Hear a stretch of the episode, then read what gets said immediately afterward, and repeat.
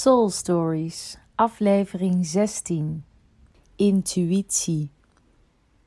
Believe yourself.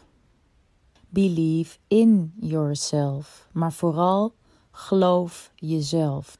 Want daar zit wel een verschil in. De ene zegt: geloof in jezelf, geloof jezelf in jouw zelfvertrouwen, in jouw kracht, in jouw visie. En geloof jezelf betekent je intuïtie. Geloof dat jouw intuïtie jou altijd het juiste vertelt. Dat dat onderbuikgevoel er een is die jou ofwel probeert te waarschuwen, ofwel het juiste met je voor heeft als het gaat om jouw soul story. We zijn dus nu al 15 weken onderweg om onze soul story vorm te geven.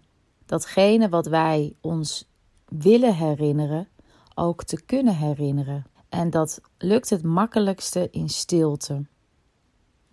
En vandaag wil ik het met je gaan hebben over intuïtie.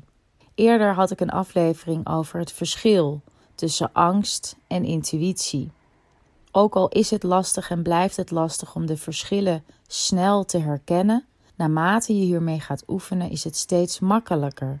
Angst gaat over krampachtigheid en intuïtie gaat over een bepaalde mate van opluchting, dat dingen stromen, het juiste, het hogere weten, jouw hogere zelf.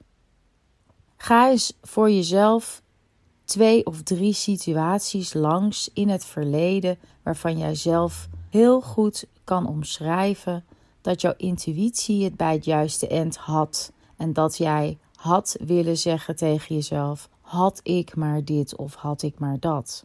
Noteer nu even desnoods wat steekwoorden van twee of drie verschillende situaties. Zet mij desnoods even op pauze om dit op te schrijven. Dan ga ik erna weer verder. Laat ik met een eigen voorbeeld beginnen. Ruim tien jaar geleden heb ik een tijdje met iemand gedate waarvan het overduidelijk was dat mijn intuïtie mij zei dat ik dit niet moest doen. Bij date 3 wilde ik het eigenlijk uitmaken. Of eigenlijk uitmaken, het was niet eens aan. Ik wilde niet meer verder daten. Maar op een of andere manier liet ik mij overtuigen met hele mooie woorden dat het toch een heel goed idee was om door te daten. En tegen mijn zin in heb ik nog drie maanden lang met deze persoon gedate. Daarna was het inmiddels een relatie geworden waar ik echt in elke vezel van mijn lichaam van voelde dat dit niet het juiste was. En heeft het me vervolgens negen maanden gekost om van deze persoon af te komen. Dit was een hele grote les in mijn leven en dat zal me ook nooit meer gebeuren. Was het nodig? Wellicht wel. Wellicht was het voor mij de laatste keer nodig om op een hele harde manier de les te krijgen dat mijn intuïtie het altijd juist heeft.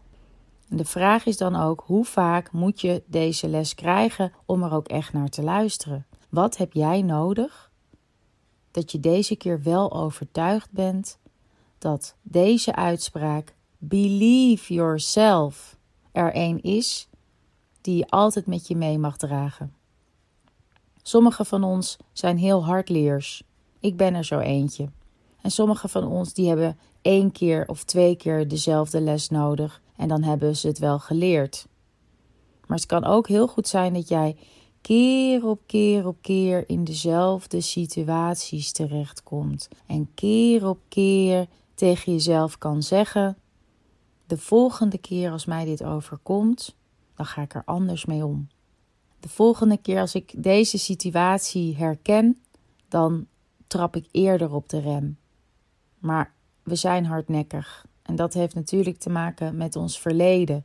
Wat is onze fundering? Wat hebben wij als kind geleerd?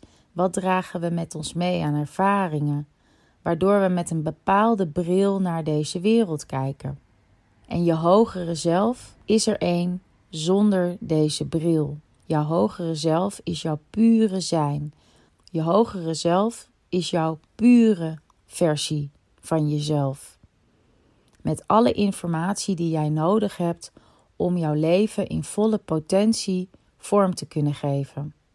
Het is wel een uitdaging en ontzettend mooi omschreven was laatst dat ik het boek Soul Stories van Gary Zukav ontdekte. Eerder heb ik het ook gehad over synchroniciteit en dat de dingen die jij en ik bedenken, dat die ook vaak op verschillende plekken in de wereld tegelijkertijd worden bedacht. En Soul Stories bestond al sinds 2000. Alleen ik ontdekte het zelf in 2018.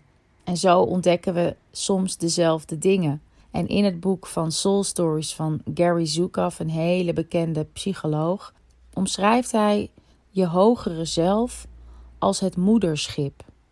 Hij zegt eigenlijk dat het moederschip er natuurlijk altijd is, met alle kennis van dien, en dat wij hier op aarde naartoe zijn gekomen omdat onze ziel een vervolgstap wil maken, levenslessen wil leren en dat wij onszelf zouden kunnen zien als het roeibootje. En een roeibootje kan eigenlijk ook alles wat het moederschip kan. Echter, het is wat kleiner en het kost misschien wat meer moeite. En zo kun je dus ook naar jezelf kijken dat in de basis jij alles al weet, maar dat de tools, de vaardigheden je soms nog mist. En dat de lessen van het leven jou uiteindelijk steeds dichter bij jezelf brengen. En soms zijn die lessen keihard. Maar ik ben er wel van overtuigd dat iedereen zijn portie krijgt. In welke vorm dan ook. Ik ben er ook van overtuigd dat we onze portie krijgen die bij ons past. Dat klinkt misschien als iets wat je niet helemaal horen wilt. Hoezo krijg ik deze lessen en een ander niet? Of dat je misschien voelt dat die van jou zwaarder te dragen zijn dan die van een ander. Zoals dat het gras ook altijd groener is aan de overkant.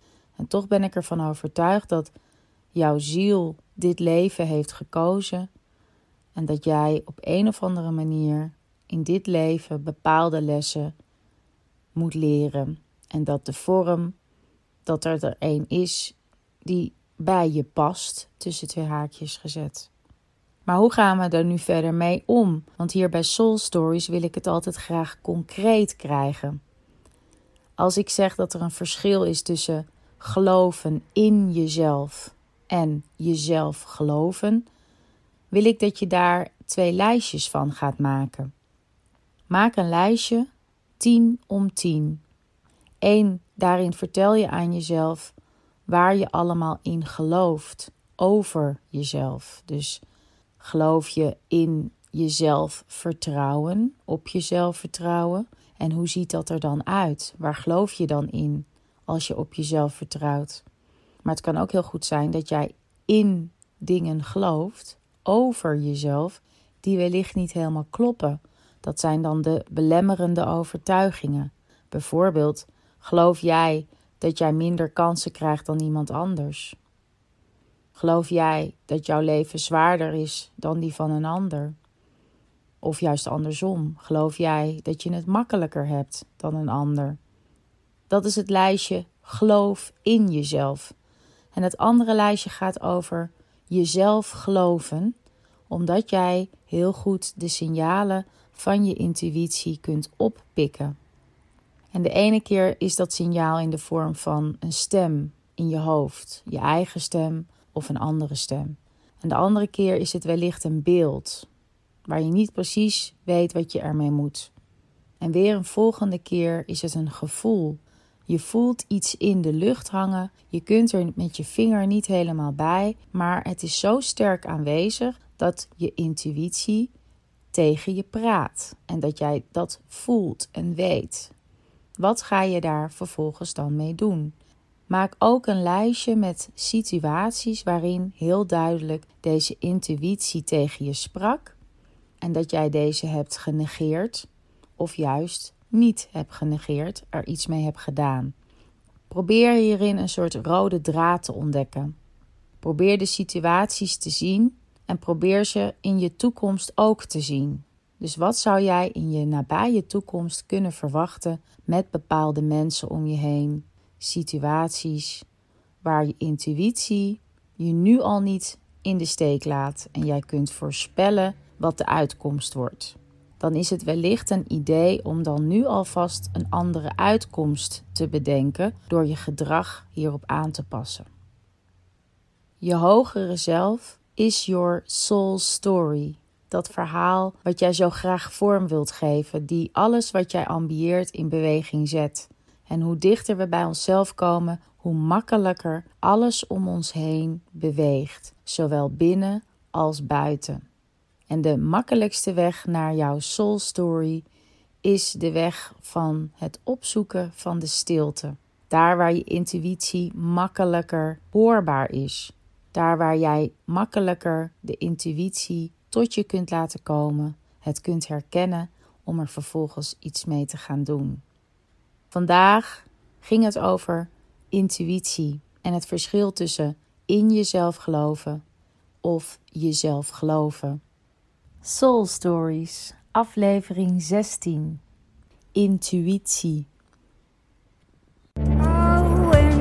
Is my virtue, and I'm grateful for the search to dive deep within my own mind and to trust the intuition of the lives I've lived before. This essential form of gnosis. It's